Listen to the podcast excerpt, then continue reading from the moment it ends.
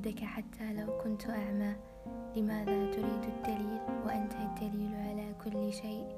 لماذا؟ وصدر السماء اتساعا ومنفى وليل طويل. لتخفى الحروب التي لا تقال. أليس الظلام دليل إلى النور حتى يعود؟ وفيك جناح يعيدك طيرا. لماذا تخاف وأنت تطير؟